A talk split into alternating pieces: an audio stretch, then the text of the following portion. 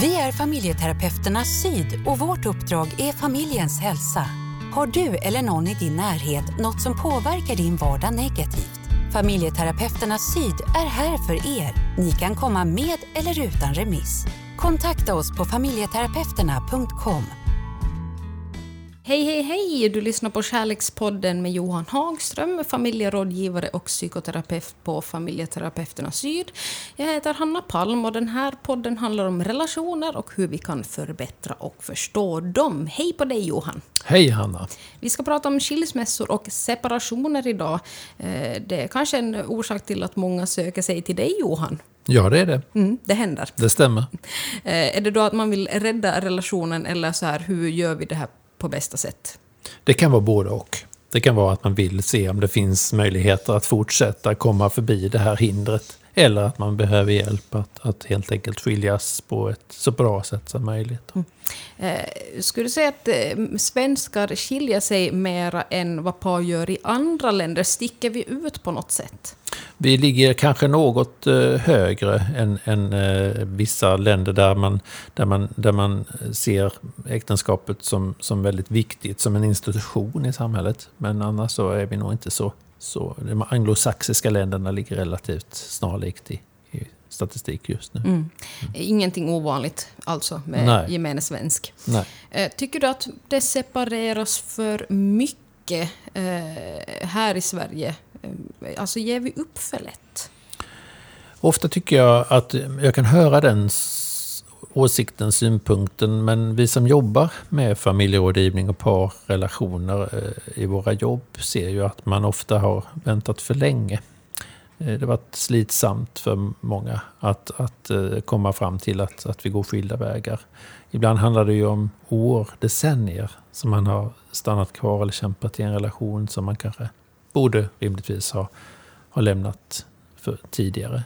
Man kan se en viss te tendens bland unga par att man, man bryter upp. Men det är inte så konstigt heller för att man är väldigt ny i relationen och uh, har ju möjligheter kanske att etablera en ny relation då relativt snabbt och, och som blir mer livskraftig och så. Så där, där tycker jag det är ganska normalt att man, man ger upp lite snabbare. Mm. Mm. Eh, det är intressant att du nämnde det här för jag, jag eh, tänkte på att det är ju kanske då många unga som gifter sig och då tänker man oj vad de måste vara kära och älska varandra väldigt mycket. Men sen inom ett år, då har man, då har man lämnat in skilsmässoansökan. Är det just då för att de är unga och för att man kanske inte har läkt av sig eh, tillräckligt? Det kan, det kan vara en orsak. Sen kan man ju ha gift sig lite för snabbt. Att man inte har, har levt tillsammans en period och, och man kanske inte ens har kommit förbi förälskelsefasen och, och, och, och, då blir det ju naturligt en skilsmässa. Om man har hunnit gifta sig under, under förälskelseperioden då, som kan vara upp till två år så,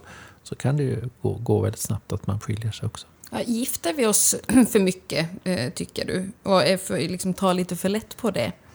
Eh, nej, det, det, det är en bra vändning på det istället för att skilja oss för mycket, eh, vi gifter oss för mycket. I så fall att vi kan gifta oss lite för snabbt. Eh, Eh, Eh, där kan man se en viss eh, förhöjd risk för skilsmässa. Men, men eh, jag tycker alltså statistiken är ganska så, så jämn över, över decennierna. Vi ligger runt 50 procent när det gäller antalet skilsmässor på ingångna äktenskap till exempel. Och, eh, sen kan ju det här med att gifta sig vara lite trendigt då, om man ska gifta sig eller inte. Och så där. Det kan ju vara lite trender i det. Mm. Det känns som att det är, känns, jag går mycket på känsla, som att det är ganska trendigt just nu.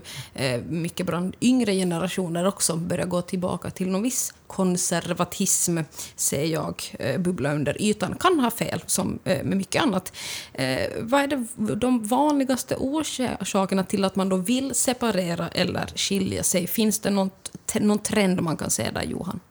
Ja, alltså de, de anledningarna som, som vi vet är, ligger, som, alltså som finns där i skilsmässan, det är ju till exempel om man är väldigt missnöjd med sitt förhållande på, på det sexuella planet eller, eller det här intima känslomässiga planet. Alltså att man inte känner sig riktigt mött, älskad, sedd. Eh, barnuppfostran vet vi är en av de stora anledningarna. Man kanske har skilda åsikter syn, syn på hur barnen ska fostras. Ehm, och pengar är ju också en anledning. Eh, om man har väldigt olika syn och uppfattning om vad man ska använda pengarna till. Mm. Det här med känslor, man, det hör man också ibland att folk eh, säger att, ja, men jag, att man inte har det där pirret kvar och så här att jag älskar dig men jag är inte förälskad i dig. Är det här en anledning till att folk väljer att gå skilda vägar tror du? Eh, ja, det kan det vara om man inte riktigt har löst eh, det här med hur förälskelsen ska kunna gå över i en djupare kärleksrelation där eh, det finns en åtrå och passion, även om inte den är likadan som förälskelsens åtrå och passion. Så, så kan det ju bli att, att, att, man tar det som en anledning att det, det har tagit slut. Vi har ingen attraktion kvar längre skiljer man sig. Eh, det pratas eh, kanske mer om att just eh, att skilja sig än att separera. Alltså att det är liksom skilsmässoantalen som man pratar om. Är det värre att gå skilda vägar om man är gift än om man bara är då kanske sambo? Det är en lite större juridisk process om man är gift jämfört med sambo. Eh, men känslomässigt så, så, tror jag inte det är någon större skillnad om man är gift eller sambo när man separerar. Utan det är nog en lika stor förlust och, och, och blödig process som oavsett samlevnadsform. Men juridiskt så har det ju, ställer det ju lite högre krav på oss att, att eh, om vi är gifta eller sambo. Och det ligger ju i sakens natur att vara gift ska ju vara lite mer säkert, juridiskt eh, tryggt. Sen har man ju försökt, sambolagen har ju ändå kommit till för att man, man vill också skapa en trygghet i, i, den, den, i den samlevnadsformen. Mm.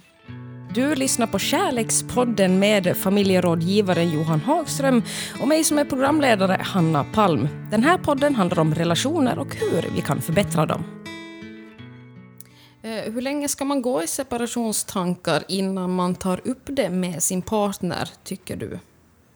Inte allt för länge.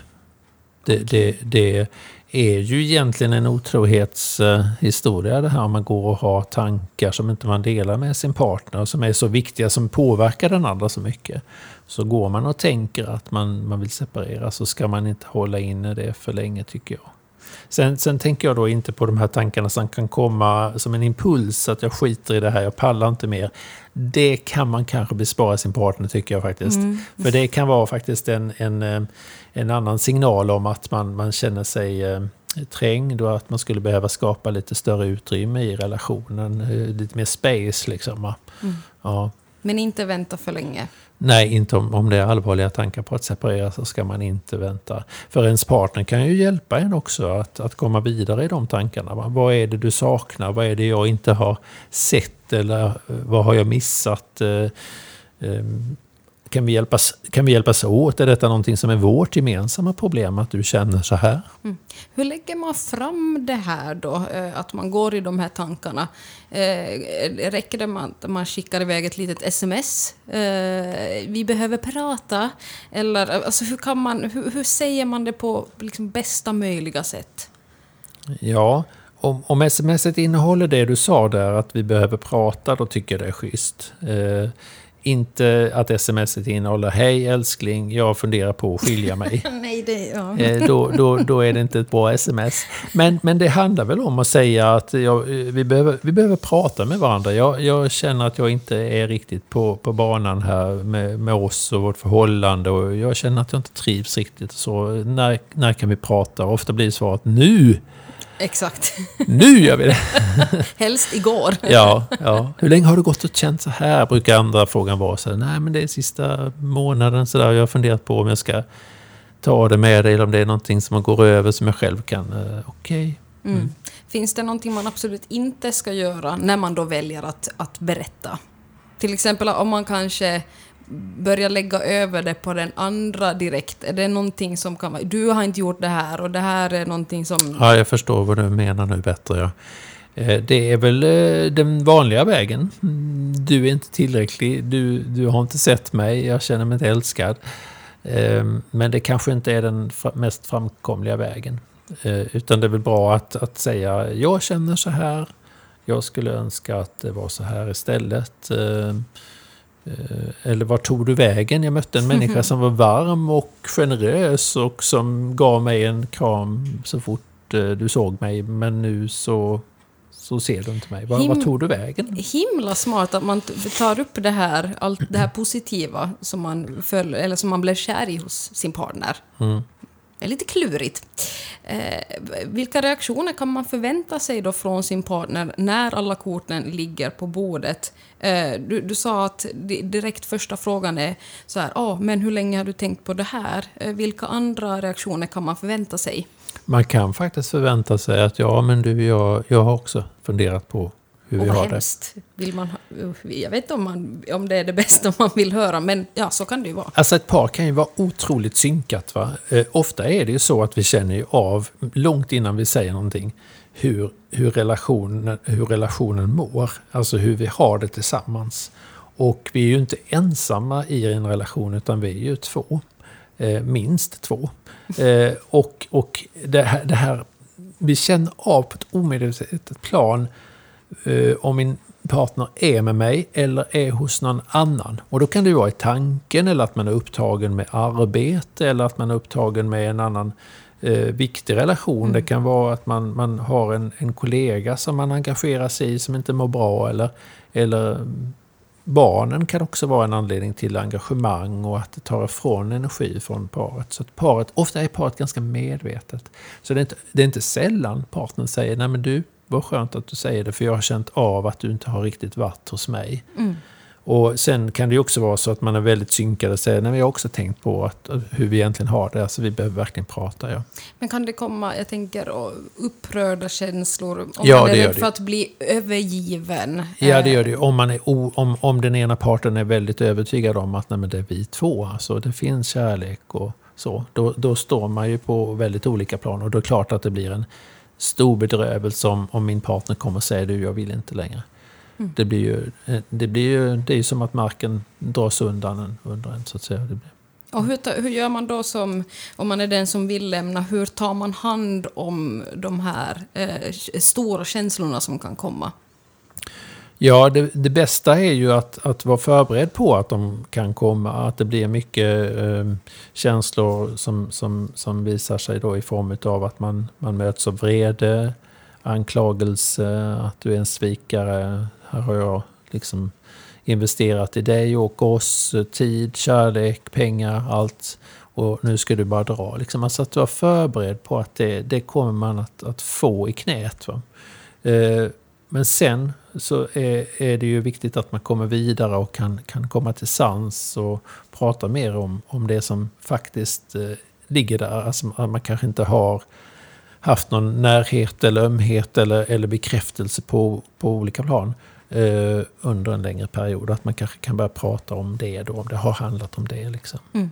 Eller om man har träffat någon annan, det är också en, en av de stora anledningarna. Du, jag har träffat en annan. Ah, fy farao, mm. säger jag så här mm. spontant, mm. spontan mm. känsla. Mm. Sen då om man då har bestämt sig för okej, okay, den här separationen kommer bli av, vi vill inte vara tillsammans, och så har man barn med i bilden, hur berättar man det för, för de små? Ja, det gör man först när man själv har hunnit att prata eh, som vuxna om, om det och landat på något sätt i, i det här som är då turbulent och blödigt. Så att man har hunnit att känna på, på känslor eh, som är viktiga att, att känna på och vara igenom. Så att man inte är, är i affekt när, när barnen ska introduceras med det här. Och sen måste man ju också veta om eh, om det ska bli en, en separation eller inte. Eh, det är ju ingen idé att, att, att, börja berätta för barnen att vi ska skilja oss när man inte har fattat det beslutet mm. ens. För då, då kan det ju bli fram och tillbaka så här jättemycket. Mm. Sen, sen vet vi ju om att barn faktiskt vet mer än innan. In, redan innan vi säger det så, så har de känt av att mamma och pappa har det inte bra. Det är någonting. Eh, det är annorlunda i familjen. Mm. Hur viktigt är det då att man är en enad front som föräldrar och, och så här, eh, visar att vi är ett team ändå trots att vi har bestämt oss för att gå skilda vägar och att man som tillsammans berättar för barnen? Eller är det den svikaren då, inom citationstecken, som ska ta på sig bördan om att ge de här dåliga nyheterna till barnen? Jag, jag tror ju inte på den här modellen att eh, båda ska säga att vi är överens om att vi ska skiljas. Mm. Eh, eh, I så fall, om man ska säga det, så måste man förklara lite grann för barnen att eh, vi har haft eh, problem i vår relation och en av oss, alltså den som har tagit initiativet, har, har, har tagit initiativet, har tagit eh, första steget eller börjat prata om det. För att det är svårt för den som blir lämnad att säga att jag vill skiljas, för det vill, vill ju inte personen. Men oj, alltså den, den personen som, vill, som är initiativtagaren då till separationen, den kommer inte den bli djupt hatad av sina barn? Ja, eller, eller högt respekterad för att den, den tar ansvar för sina känslor. Låt oss säga att en av pappan har träffat en annan. Eh, det blir ju en oerhörd respekt om pappa kan säga det är jag som har tagit initiativet till att skilja, att vi skiljer oss. För att jag har träffat en annan person som jag tycker om på ett sådant sätt man ska göra när man lever i en parrelation. Mm. Då, då blir det en oerhörd respekt för, för den personen, tänker jag. Sen, självklart så får den ju klä skott för att den, den tar sönder en familj som var hel och, och så. Eh, så där kommer ju känslor från barnen som handlar om att eh, du är en svikare, du gör illa mamma, du förstör för oss och så.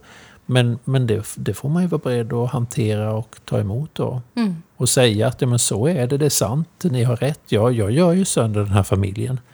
Men jag kan inte eh, stanna kvar för då hade jag gjort sönder mig själv och ni hade mått väldigt dåligt om jag hade fortsatt och, och, och gå emot mig själv. Då hade ni haft en pappa som hade inte varit närvarande och eh, snäll och, och, och omtänksam. Otroligt intressant. Jag tror det här kommer som nyheter för många att just den här modellen, var tillsammans säger vi vill separera, att det kanske nödvändigtvis inte är det allra bästa i alla lägen. Mm, mm. Eh, på många håll i landet så är det ju jättesvårt att hitta bostad, hitta någonstans att bo. Alltså hur gör man för att stå ut om det är så att man måste bo ihop när beslutet har tagits medan den ena då är på jakt efter en bostad? Det är aldrig lyckat. Nej, det går inte. Nej. Jo, det går. Det är många som får lösa det så, för man kan inte lösa det på annat sätt. Mm. Men vi vet ju om att det är eh, oerhört slitsamt. Eh, speciellt för den som hade velat fortsätta att, att behöva ha kvar sin kärlekspartner som den fortfarande har känslor för. Boendes hemma hos sig och sen ska man bete sig som att man inte har en kärleksrelation längre. Det, det, det är ju slitsamt. Så mm. kan man lösa det genom att kanske bo hos någon, någon kompis eller sina gamla föräldrar finns det en del som flyttar hem till vid samband med en separation då en period innan man har ny lägenhet och sånt. Ja. Mm, eller så, får man, så är det föredömligt faktiskt. Man får komma på någon slags schema bara. Okej, okay, de här 12 timmarna får du vara hemma, de här 12 timmarna får jag vara sätt, hemma. Ja, det kan vara ett sätt att lösa det på. Du får skaffa ett skiftesjobb nu så att vi kan lösa det här. Mm. Du lyssnar på Kärlekspodden med familjerådgivaren Johan Hagström och mig som är programledare, Hanna Palm. Den här podden handlar om relationer och hur vi kan förbättra dem. Okej då, då eh, går vi till den här tiden då separationen har ägt rum. Man har flyttat isär, nu är det klart. Hur ser första tiden ut eh, efter en separation då? Eh, om vi börjar med den som har blivit inom citationstecken lämnad. Ja, den är ju då lämnad och har de känslorna. Så det är klart att eh, man är ju ingen förälder som är jättehipp och rolig och umgås med för barnen. Mm. Så där handlar det väl om att eh, försöka skapa nya rutiner. Eh, acceptans också, man får jobba med acceptans. Nu ser mitt liv ut så här. Jag har inte önskat det, jag har inte valt det. Men så här är det nu. Och om det är så att man då inte har barn och då kan balla ur totalt eh, efter en separation, hur gör man då för att inte tippa ut över kanten och börja gå ut och festa som en galning eller så här bara kastar allt ansvar åt fanders? Eh, hur, hur gör man då för att komma ur den här krisen om man är helt själv? Jag tror det är väldigt bra att ha någon form av stödkontakt. Eh, om det är en terapeut, rådgivare eller en vän eller en en annan person som man har förtroende för så är den viktig som ledsagare, coach genom det här svår genomträngliga landskapet. Mm. Eh, rutiner är bra, Ar arbetsplatsen brukar vara viktig för, för människor som har blivit lämnade eller fått gå igenom en separation. Eh, vännerna kan, kan ju få komma in på scenen lite mer och bli viktiga och, och, och så, så. igen. Gamla föräldrar, syskon kan, kan man ja, få en annan relation till igen. För, för, man är ju tillbaka kan man säga i det stadiet där man var innan man gifte sig eller träffade någon och blev sambo eller så. Eh, att man är, är singel, ensam, man, är, man träffas på ett annat sätt igen. Det kanske en, finns mycket skam också, tänker jag, kring att ha blivit den som blev lämnad, eh, eller den som kanske inte, så att säga, i didn't see it coming. Eh, är det någonting man, man får jobba med också, att man, alltså, att man skäms eh, ja. inför andra människor? Ja, självkänslan blir ju väldigt, eh, väldigt låg ofta efter en sån, sån typ av separation. Tills man har kommit fram till att man kan, kan faktiskt låta människor ta ansvar för sin, sin, sin del. Va? Alltså om inte man har del i det här, det här beslutet så, så kanske inte jag behöver ta ansvar för det. Men jag har blivit drabbad av någonting som någon annan då hade ansvar för, tog ansvar för och, och fullföljde. Eh, men du har rätt, det är ju mycket skam förknippat med att inte lyckas med att bli, bli kvar i sina relationer. Vi har fortfarande en syn på att eh, det lyckade är att familjen håller ihop och livet ut. Det är fortfarande mycket en sådan, sådan bild vi när av relationer idag. Mm, fast så inte är fallet så himla Nej. ofta, har vi kommit fram till. Nej. Hur är det för den som då antingen har lämnat eller har åtminstone tagit initiativ till den här separationen första tiden efter, då, eh, efter att man har gått skilda vägar? Är det bara frid och fröjd? Den mår toppen, tjoar och skimmar, eh, känner sig eh, på liksom, toppen, the top of the world? Eller hur ser det ut? Jag tycker, jag tycker jag möter många gånger att man upplever en frihetskänsla. Alltså man har lyfts av ett ok. Eh, och det är ju precis det som har hänt också. Man har, har lämnat någonting som, har varit, som inte har varit bra för en. Men det är också många som uttrycker att man, man känner ju av att man har en skuld i att man har gjort illa någon annan. Alltså man tog ett beslut som också drabbar eller gäller för, för den andra. Eh, sen, sen tycker jag många eh, kanske lite hastigt eh, ge sig in i nya relationer. Men det kan ju vara ett sätt att överleva också. Så att jag ska inte på något sätt värdera det. Men man ska ju tänka på att eh, man kanske ska unna sig en, en, en, period där man, där man kan leva med sig själv ett tag. Och, och lite grann ta fatt i vem är jag nu och, och vart vill jag? Och, och då kan ju en terapi eller någon form av coachning vara var till hjälp för, för mig att, att reda i, i, i vem är jag nu, vart vill jag nu efter, efter det här? Går det att säga någonting om, om man, det är nu så att man går den här, så att säga, jag ska inte säga, men hälsosamma vägen, att man kanske ger sig själv lite tid innan man dyker in i ett nytt förhållande. Hur lång tid kan det vara? Eh, går det alltså att säga, är det två månader, ett år, tio dagar? Eller är det helt individuellt hur länge man ska vänta? Ja, alltså det där är ju väldigt svårt att säga. Men jag tänker mig när man börjar få upp en längtan efter att bli tillsammans med någon annan igen. Att bli ett par, att bli en, i en gemenskap. I, en, i, en, i en, den typen av gemenskap också som en parrelation är. Då är det väl moget. Då, då, då kanske man är redo. Men om man ger sig in i ett förhållande innan man har den känslan så är det nästan som att man kanske har lite svårt att vara själv. Att man behöver lära sig att umgås med sig själv. Mm. Att, det är, att det är en bra signal på att, att man saknar den förmågan. Mm. Eh, det kan ju hända, eh, det vet man ju om man dels har eh, valt att lämna en relation eller man kanske har valt att lämna ett jobb, att någonstans på vägen börjar man känna att äh, men det var väl rätt så bra ändå. Vi hade väl kanske det lite liksom, ganska bra tillsammans. Vad har jag gjort för någonting? Hur, hur vet man att, det är, att de här känslorna är äkta och att man kanske ska ge det ett nytt försök eller att det bara är en del av separationsprocessen? För man vill ju inte gå och ge den andra falska förhoppningar då om det så att okej, okay, nej men det här det var bara en del av den här processen. Hur, hur kan man veta det? Ja, alltså det, man kanske ska räkna kallt med att man har inte lämnat en, en människa som är enbart ond och hemsk att leva med. Utan man har ju lämnat en del i den här människan som också var god. Mm. Och den kanske man upptäcker lite bak efter, efter den här första känslan av frihet. Och oh, jag är fri från, från, från det här som var jobbigt som vi hade. Så i andra steget så kommer ju också insikten om att nej, men jag blev ju också då av med de här positiva egenskaperna det den här personen tillförde mitt liv.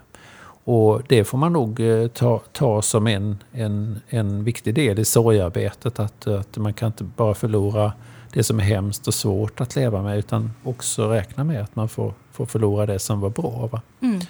Och det är ju som du säger där att vissa, vissa väljer ju att gå tillbaka och det är klart att då kanske det är så att man inte har sett riktigt att det var så mycket goda saker man fick. Eh, och att man har gjort ett felaktigt beslut. Så det finns ju de som går tillbaka och som kanske också faktiskt får det att funka mycket bättre. Mm. Eller de som pausar, inte går hela vägen ut och skiljer sig utan man pausar ett förhållande, man blir särbo en period för, för att känna sig för. Och sen väljer att gå tillbaka för man, man får en annan upplevelse. Så det, det där är svårt att säga någonting för, som ska gälla för alla. Man får, men man ska kallt räkna med att det blir en sorg, en förlust ändå av någonting gott också. Det är intressant att du nämner paus, för åtminstone i min ungdom då sa man att det här med paus, det är bara att hitta på. Eh, egentligen vill den här personen bara göra slut, men den vågar inte se det. Men en paus kan alltså fungera? Ja, bara man då eh, pratar om det, liksom, om det är ett sätt att göra slut på. Eh, att pausa. Mm. Eller om det faktiskt är en paus, att pausen är en paus. Att man behöver andningsrum, att man behöver reflektera, känna, känna vad det är. Man kanske är inne i en eh, egen eh, kris i sitt liv som man behöver hantera genom att skapa avstånd. Eh, vila lite från tvåsamheten. Då är det ju en paus mer. Mm. Eh, somliga menar då att det är bäst att liksom klippa alla band, bränna fotografierna, blocka exet på alla sociala medier. Andra tänker att det kanske är bra att fortsätta ha kontakt. Eh, vad tror du är bäst för båda parterna? Ja, det är ju synd att såga av eh, grenen man sitter på i sitt liv. Alltså, alla relationer man har under sitt liv eh, kommer man ju bära med sig, i alla fall eh, inom, inom sig. Det har ju gjort avtryck, det har ju påverkat mig, utvecklat mig och hindrat mig. Fotografier kan man ju bränna, det är ju materia, det kommer ju gå sönder någon gång. Men det är klart att det är frågan lite grann där varför man gör det. Det är kanske viktigt att ta reda på varför gör jag det? Varför har jag ett behov av att eh, radera det som är synligt när jag ändå har det där inuti mig?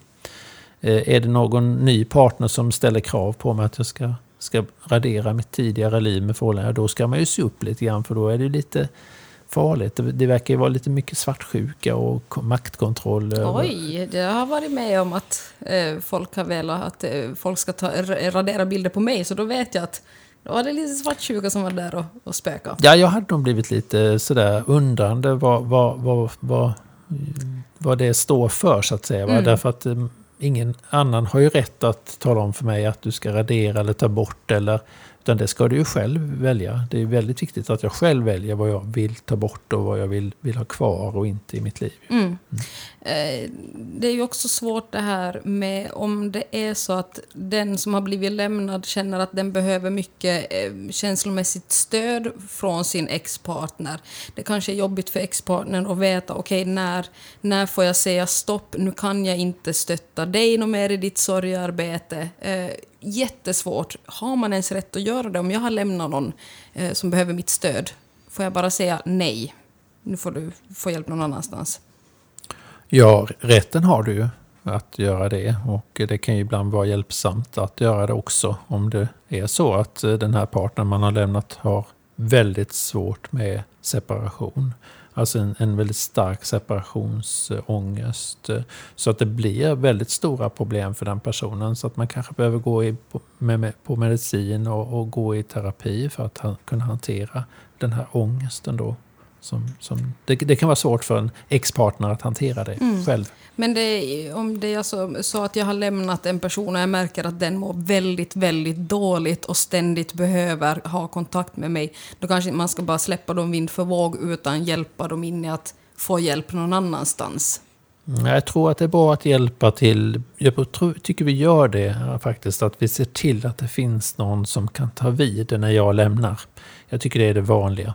Eh, och det är ju väldigt fin omsorg i det. Och man vill ju inte, skilsmässa handlar inte om att man vill att mm, den här personen ska, ska försvinna från jordens yta. Det är, det är ofta inte det. Ja, då får det, det en väldigt tragisk relation kanske. Då kanske man kan, kan, kan önska det. Men, men när det verkligen gäller så vill vi ju inte, det är inte därför vi skiljer oss. Utan det är för att jag inte längre vill vara i relation med dig. Och då, då är det väl fint att man kan hjälpa till att lämna över. Ehm, och det kan ju behöva ske stegvis. Man kanske går i familjerådgivning en period efteråt mm. skilsmässan för att hjälpa till att reda ut och, och, se om de här svåra känslorna som drabbar då den som blir lämnad går att kanske mildra eller, eller få, få utagera det genom att gå tillsammans i rådgivning. Det händer ju inte så, så sällan att vi sitter med det. Mm, det händer. Mm.